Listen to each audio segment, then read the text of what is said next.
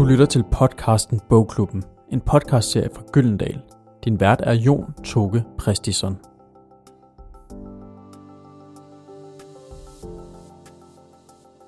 Kan dyr lave fis og mure sig? Føler de sorg og smerte? Kan de svigte? Og hvordan har de det egentlig med os mennesker?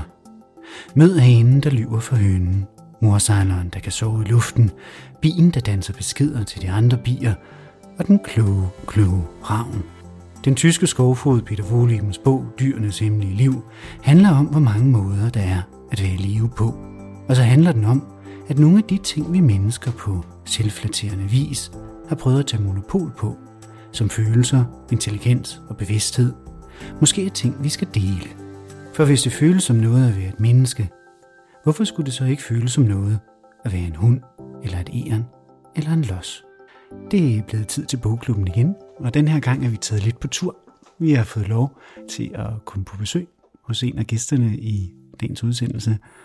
Gita Nørby, tak fordi vi måtte komme. Ja, velbekomme og hjertelig velkommen. Tak. Du er jo skuespiller og har været med i et hav af film og ja. Teateropsætninger. Har haft en af de nok flotteste karrierer i dansk skuespil. Og øh, så er du præsident for Dyrefondet. Ja, det er jeg. Gita, kan man være ven med et dyr? Øhm, ja, det synes jeg, man kan. At man kan i hvert fald håbe, at man er det. Øh, Jeg selv har øh, mønner, og har altid haft mønner i mit liv, fordi jeg øh, kan så godt lide, at jeg kan lide den race, fordi den er, øh, jeg har ikke brug for en underhund, men jeg har brug for en hund, som siger, at øh, det er den, der kan lide mig.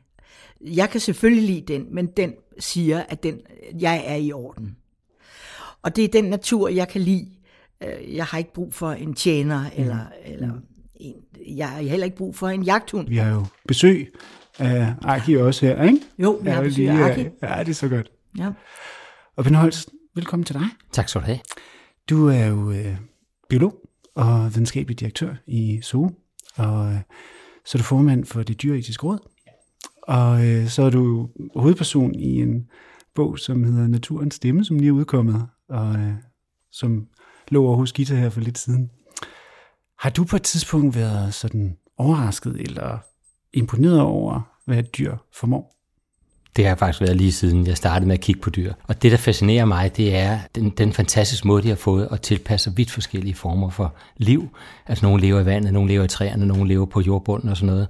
Og alle sammen er de jo konfronteret med nøjagtigt de samme udfordringer. De skal finde mad, de skal finde læ for sol og vind, de skal finde noget mad, og de skal formere sig og alt den slags. De har bare løst det på vidt forskellige måder. Og det, der fascinerer mig, det er de millioner af forskellige måder, det nu engang sker på. Den måde, de har fundet ud af at indrette sig på. Mit navn er Jon Tuke Præstison. Jeg er øh, redaktør ved Gyldendals Bogklubber. Velkommen til. Gita, da vi talte sammen, inden vi mødtes i dag, så sagde du, at det var en lidt mærkelig bog. Og den startede nærmest sådan lidt barnligt, men så blev den ret interessant hen ad vejen. ja, vi snakker om øh, dyrenes hemmelige liv. Ja. Øh, af, af Peter, og hvad hedder han? Wohleben. Wohleben. var et fantastisk Ja. ja. navn. Øhm, jeg, jeg startede på den, og øhm, på en eller anden mærkelig måde, så slog det mig i starten, at jeg synes, den var så barnlig. Hvad skal jeg sige? Altså, han bruger nogle, sådan nogle barnlige måder at lave sine sætninger på. Så jeg faldt lidt fra. Så tænkte jeg, at det er oversætteren. Hm, det kunne jo godt være.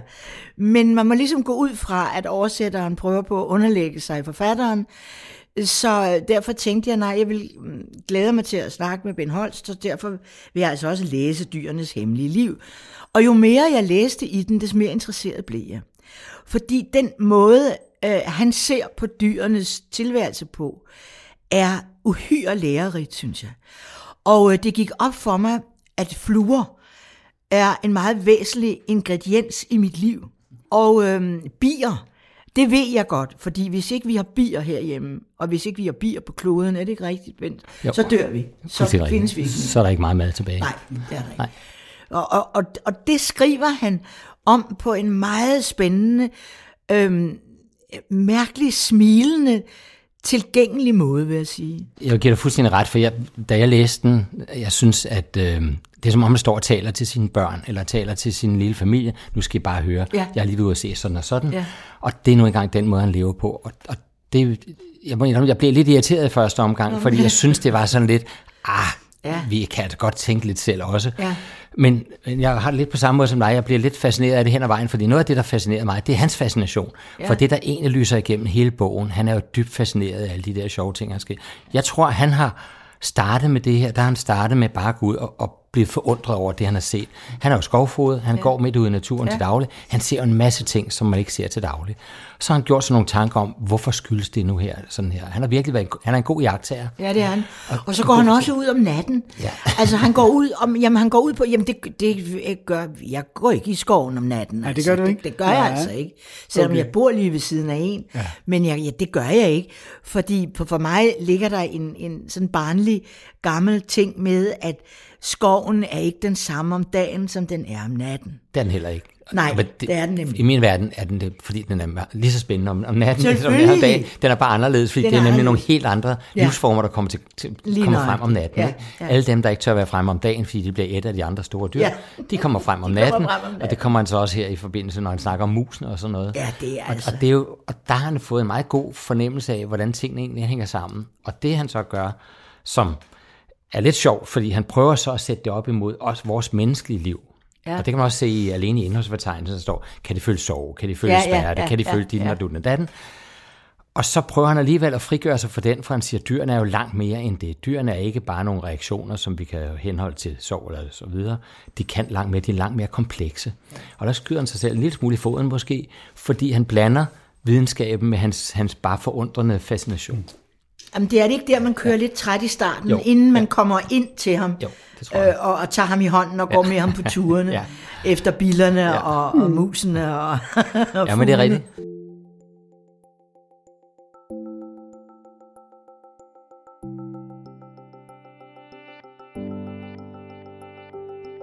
Peter Voldleben er født i 1964, og han vidste allerede som barn, at han ville arbejde med naturbeskyttelse. Han har studeret forstvidenskab og var i 20 år ansat i den statslige skovvæsen i Rheinland-Pfalz. Men han sagde op for at omsætte sine økologiske tanker til praksis, og i dag leder et miljøvenligt skovbrug i Eiffelbjergene i det sydvestlige Tyskland. I Tyskland er han en hyppig gæst i tv, han holder foredrag og seminarer og skriver bøger om skoven og om naturbeskyttelse. Sit store gennembrud både i Tyskland, internationalt og herhjemme i Danmark fik han med bogen Træernes Hemmelige Liv. Med den her bog vil han jo i hvert fald gerne to ting. Vi vil nemlig gerne på den ene side vise den der enorm variation, rigdommen og den der mangeartede måde, som man kan være i live på. Det gør han godt. Ja. Og så på den anden side vil han jo gerne tale lidt om det her med, at der måske er en art af fællesmængde, som han i hvert fald ser, mellem den måde, vi mennesker er i live på, og den måde, dyrene er i live mm. på. Hvis vi lige tager måske fællesmængden først, og så tager variationen mm. derefter, så kan man sige, vi har jo haft en lang del fortid, i hvert fald hvis man kigger sådan evolutionært på det, med de andre dyr her på kloden. Og derfor siger Voleben jo i hvert fald, kunne der måske være nogle delte forudsætninger også for det, som er et indre liv, eller det vi har som et indre liv. Og det er jo også, det er vel derfor, han tænker, at der kan være sådan noget som følelser, der på en eller anden måde er tilsvarende det, vi oplever i dyrenes erfaringsverden. Der er for mig slet ikke, der er ingen tvivl om, at, at vi er jo bare en art blandt en masse andre arter. Og vi har så bare udviklet sig i vores specielle verden, ligesom hesten er blevet til en hest, og bilen er blevet til en bil osv. Og vi har hver udviklet vores særkendelse af enhed, men vi har selvfølgelig også en, en fællesmængde, og den ligger, vi har noget, en masse fælles DNA. Vi, vi øh, pattedyr, vi er alle sammen fire lemmer, to arme og to ben, eller fire ja. ben og den slags. Så der er en masse ting, der er fælles. Men så er der selvfølgelig også noget, der adskiller os mennesker fra de andre. Ja. Og det er der, vi kommer ind på det der lidt kontroversielle en gang imellem. Hvor langt kan vi sammenligne? Altså, vi kan godt sammenligne Altså, med, vi, hvor vi, har, vi vi har jo det, der hedder strubehude. Ja, ja, Ikke? det er Altså, vi kan. Det er tale. rigtigt. Ja, blandt andet. Og Blandt det er jo andet. en, Og det er jo en- det en forskel ting. fra- Plus vores hænder. Ja. Altså, vi kan jo gribe på en helt anden måde, end nogen som helst andre dyr kan. Meget Men fint. alligevel, når du er i Afrika og ser øh, chimpanserne eller øh, aberne, så ser du jo, så kan de jo ovenkøbet gribe med deres fødder, hvad vi jo har mistet evnen til at kunne. I hvert fald i nogen grad. Jo børn kan nogle gange gribe en pind med nogle, med nogle tæer. Men øh, jeg kan i hvert fald ikke mere. Men jeg kan da godt gribe en pind med mine hånd. Men når man, man kigger op på de træer, hvor, hvor chimpanserne sidder, Jeg har været i Afrika og tracket efter nogle bjerggorillaer, og det var en meget stor oplevelse at se ind i øh, førerhanden, Silverbackens øjne, for det, det var ham, øh, det er ham, der står for flokken, og øh, de andre æder bare. Altså. Og så de små unger, som styrter hen til mennesken, og så er der en tante, der tager den, fordi de må ikke komme hen til os. Og dengang jeg var der, måtte man kun være der en time, og der måtte kun være fem forskellige lugte. Men det er også dem, der genetisk set ligger tættest på os, altså evolutionært er tættest på os. Og så er det klart, at vi har en større fællesmængde til fælles med dem, end vi har med hunde og med pindsvin og med biler og sådan noget. Altså, da vi talte sammen, hvad det hedder, Gita, der sagde du, at det var meget vigtigt for dig, jeg tror, vi talte om Arke der, at man ikke forvekslede et dyr med mennesker. Men kan du have en fornemmelse af, hvordan hunden har det på en måde, som kunne ja. ligne følelser, til ja. Øhm, det er jo, hvad skal jeg sige, ja, det er noget, man fornemmer. Er det noget, man bilder sig ind? Er det noget, man synes, man mærker? Men hvis man er opmærksom på min ven Aki, som er en saluki så har vi et dimmerne liv sammen. Men pludselig ser jeg den være fjern eller være tæt. Meget eftersom, hvis jeg spørger mig selv, hvordan jeg har det. Hvis jeg er ked af det, så kan jeg pludselig se med, med, øh, med tilbageblik, at Aki faktisk har været tættere på mig, på en helt speciel måde, end hvis jeg bare går rundt og er glad og sådan synes det hele er i mægtig orden. Nå, men så er det helt fint, men, men jeg kan mærke, men det er jo at mærke, er det ikke det, Bent? Fordi... Jo, og jeg tror, det ligger meget også i, hos os som personer. Det er os, der gerne lægger nogle af de her ting i. Der er ingen tvivl om, at hunden føler en tilknytningsforhold til dig, ja. i modsætning til et tilknytningsforhold til mig, som ja. vi har set for første gang. Ja. Og den vil være op og ned af dig til den dør. Ja. Altså, den vil virkelig, virkelig, og den vil gøre, hvad den kan for at forsvare dig, og så videre. Ja. Og det er jo det, der svarer til, at den også har nogle flokfælder ude i naturen. Og der, hvor jeg har jeg, er måske, jeg bliver engang med kaldt lidt kold, fordi jeg siger, at vi skal passe på, at vi ikke lægger menneskelige følelser over i dem.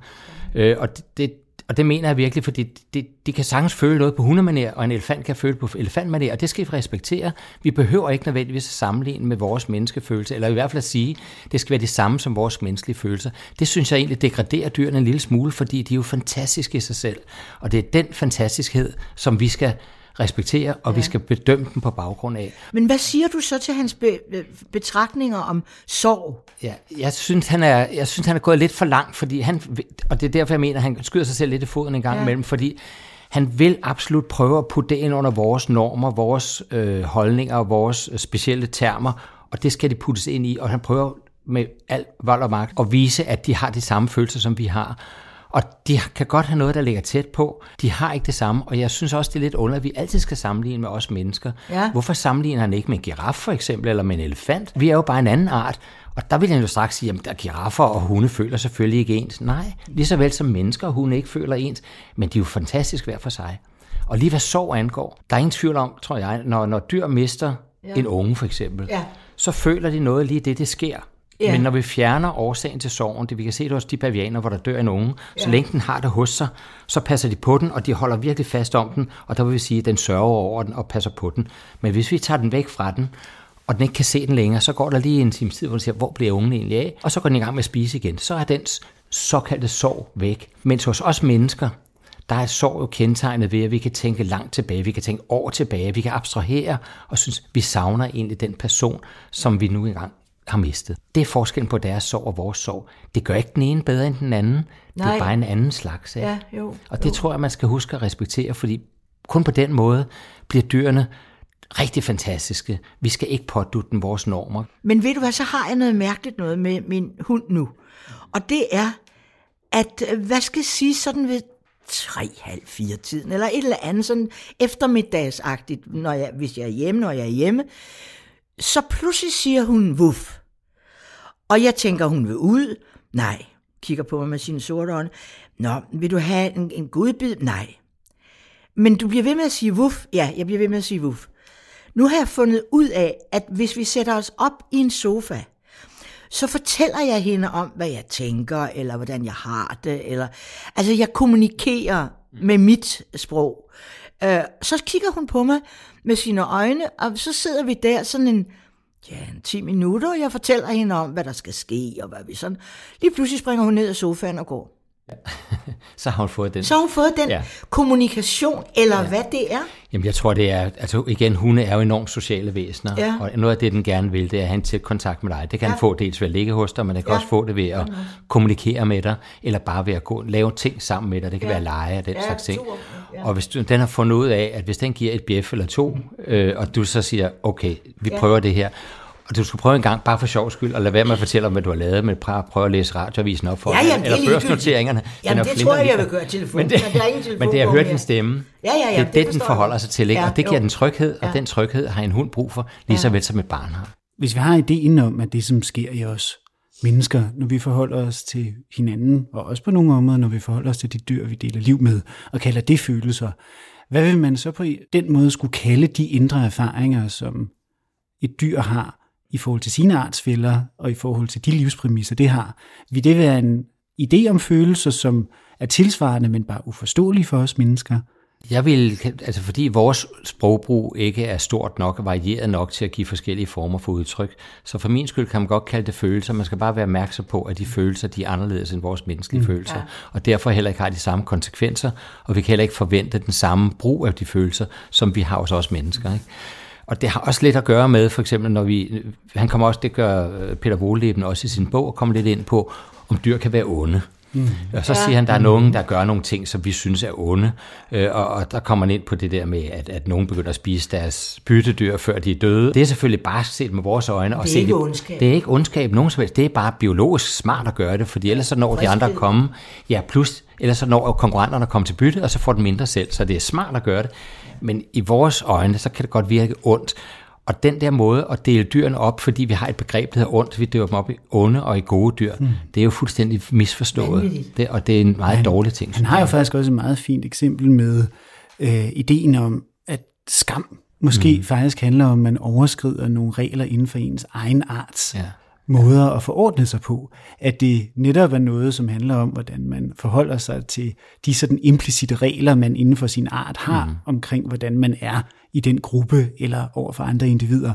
Og det er faktisk måske er der, moralen ligger. Og vi ikke på den måde kan tage den ud af den arts sådan specifikke, det rum, som mm. vi har som art. Jamen, jeg tror ikke, at, at dyr føler skam. nej, Det tror jeg slet Jeg ikke. tror, du er fuldstændig ret, Gita, fordi det, de føler, de kan virke en, de kan vise en reaktion, som vi så siger tolker som skam. Ja. Men skam forudsætter en, en, et indblik i, hvad der ligger bag, og. Ja. hvad det er for nogle ting, og det har dyrene slet ikke. Og igen, det er ikke for at underkende dyrene. Dyrene har en masse evner, som vi aldrig ville kunne leve op til på nogen som helst Ja. måde, så de er bare fantastiske på deres måde, men skam er det ikke. Og jeg synes ikke, vi gør dyr nogen tjeneste ved at pådutte dem de der udtryk.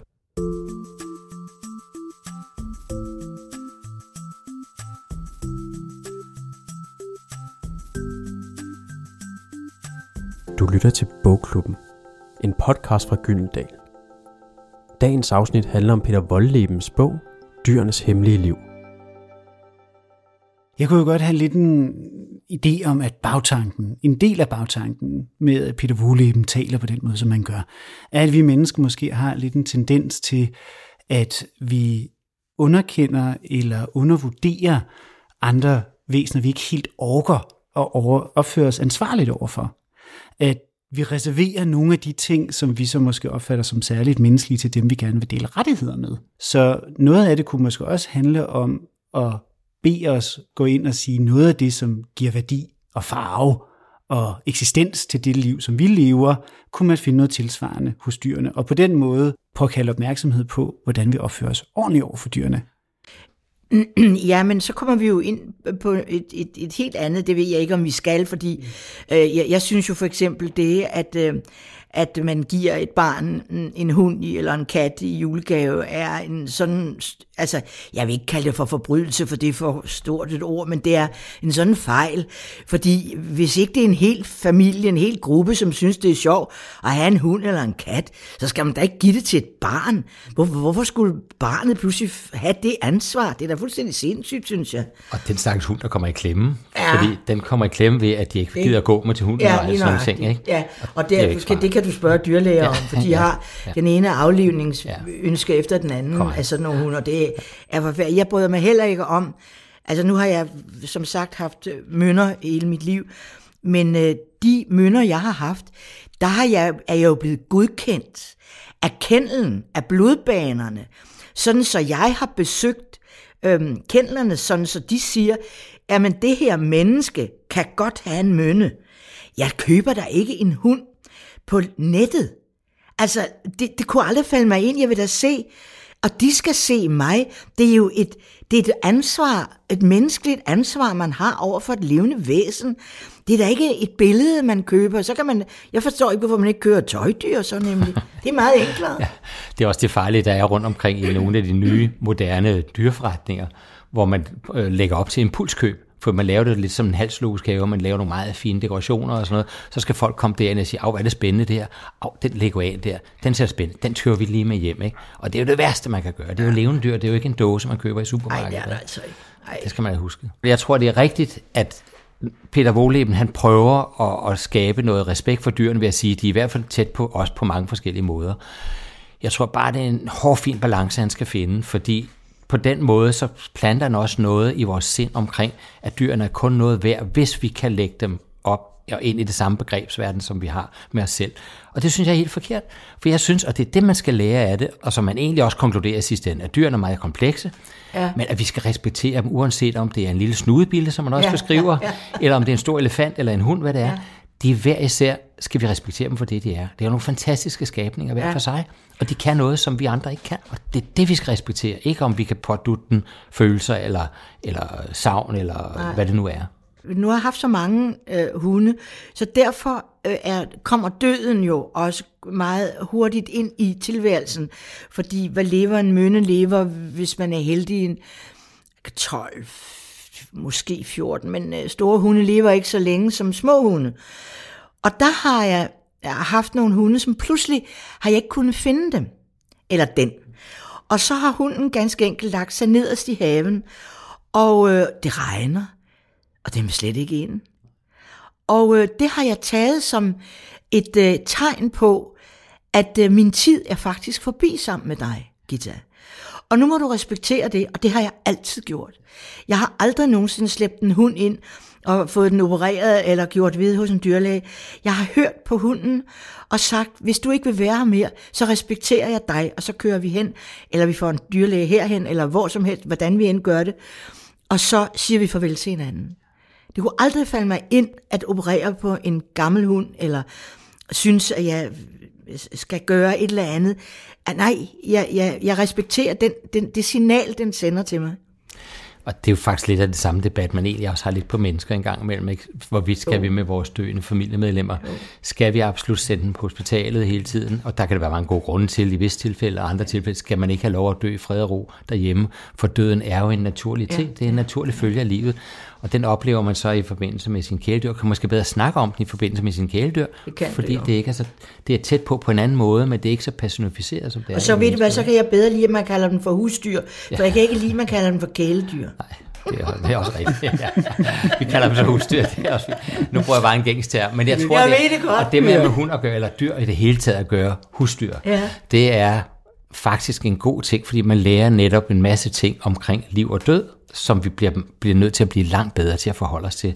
Dyrene gør det ganske naturligt. De træder nemlig ud af flokken, og det er ikke kun hos dig, de gør det. Det er noget, der sker ude i naturen også. Når en dyr skal til at dø, et flokdyr skal til at dø, ja. så søger de væk fra flokken, og så dør de stille og roligt et eller andet sted. Ja.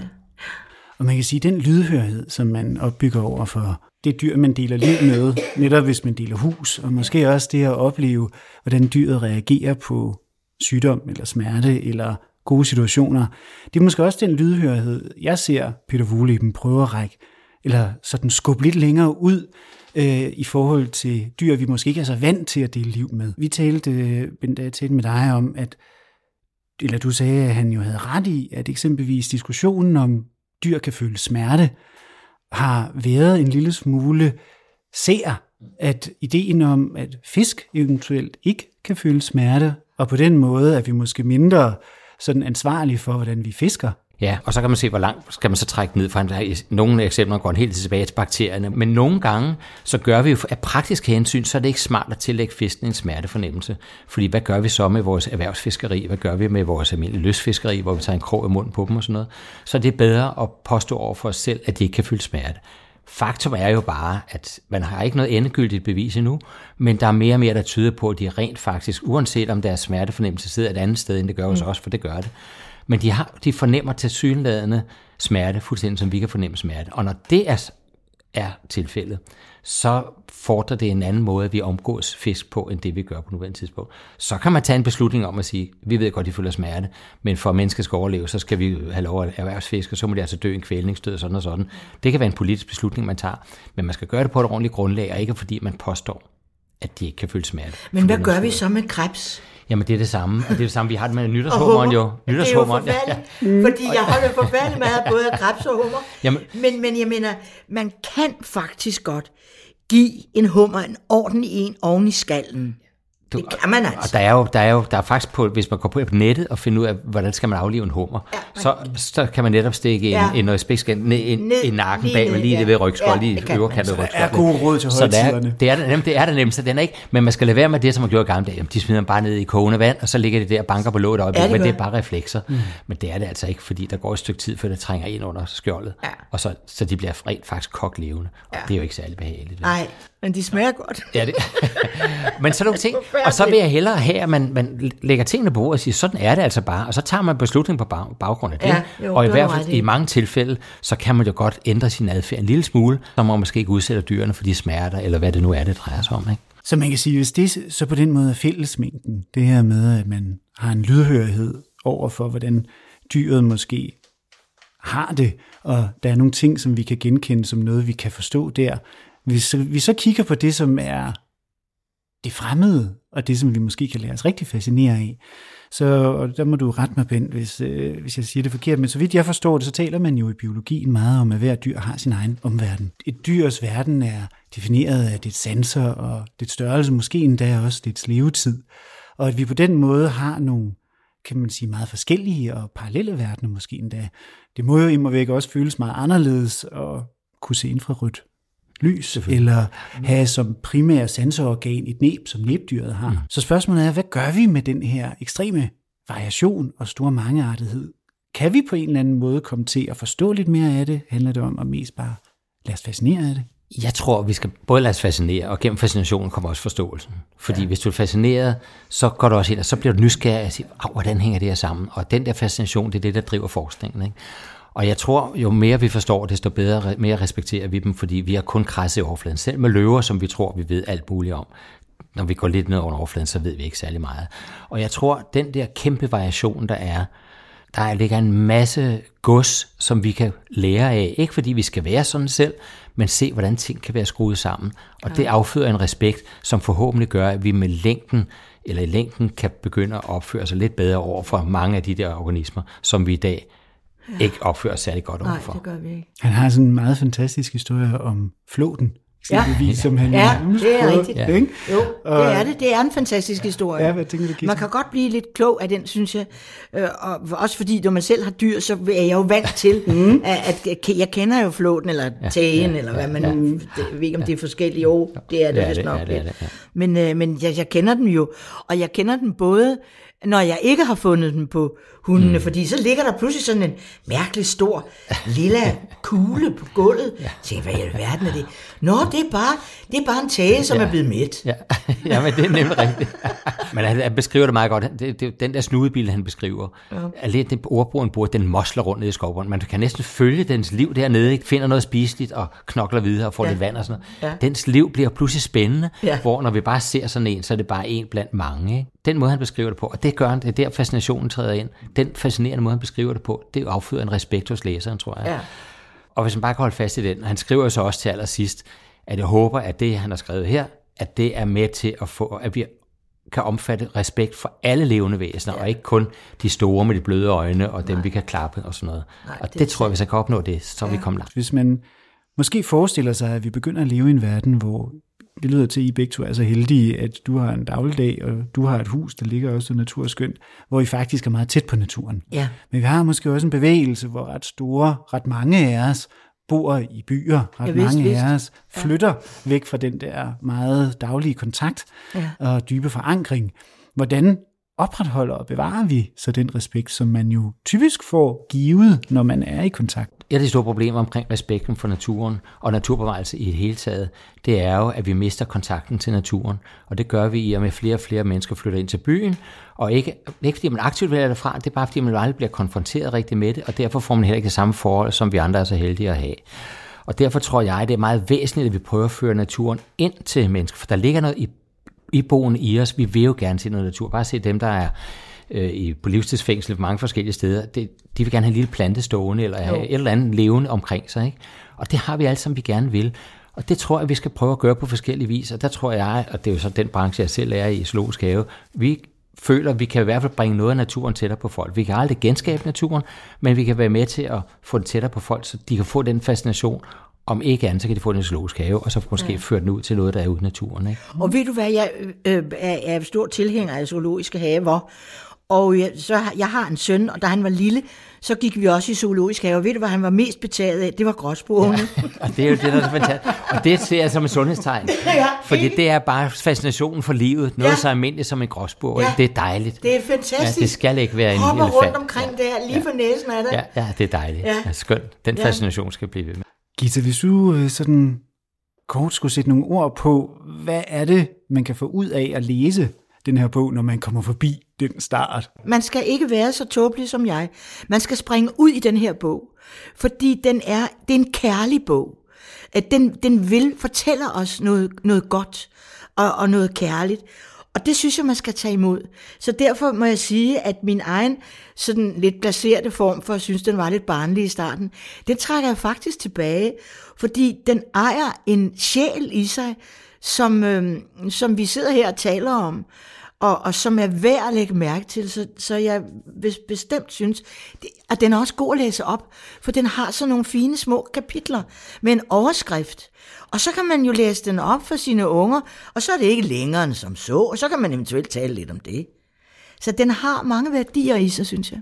Jamen, jeg er fuldstændig enig med Gita, og jeg tror netop de der mange små afsnit, der er, at for jeg, jeg vil anbefale, når man læser den, lad være med at læse den fra ende til anden i et skub, men læs den i små afsnit, fordi det den er bygget op omkring, og så forstår man, tænk lidt over de enkelte afsnit, og så synes jeg, at hans slutbemærkninger er rigtig gode, fordi det er der, hans konklusion egentlig er, at vi skal respektere dyrene for, hvad det er, uanset om de er store eller små, og så skal vi acceptere, at de er langt mere komplekse, end vi ved. Og det behøver ikke at være som, at, det er, de, vi skal betragte dem som mennesker, for det skal vi ikke. Men betragte den kompleksitet, der er i og med, at det er en hund er en hund, og en elefant er en elefant, og en snudebille er nu engang en snudebille, og skal betragtes som sådan. Det synes jeg er nogle rigtig gode budskaber. Det var, hvad vi nåede i dag. Tak til dig, Gita. Velbekomme. Tak. Tak til dig. Og tak til dig, Bill. Ja. Det var hyggeligt. Ja, det var det. Du har lyttet til podcasten Bogklubben for Gyldendal. Dagens afsnit handlede om Peter Voglebens Dyrenes Hemmelige Liv. Hvis du endnu ikke har læst bogen, så har du selvfølgelig mulighed for at bestille den i din bogklub og få den leveret til din postkasse. Det sker på www.gyldendalsbogklub.dk Det her var tredje afsnit af Bogklubben. Du kan følge os i iTunes eller din foretrukne podcast-app ved at søge efter Bogklubben eller Gyldendal. Mit navn er Jon Tove Bristison, og dagens gæster var Gita Nørby og Bent Holst. Mange tak, fordi du lyttede med.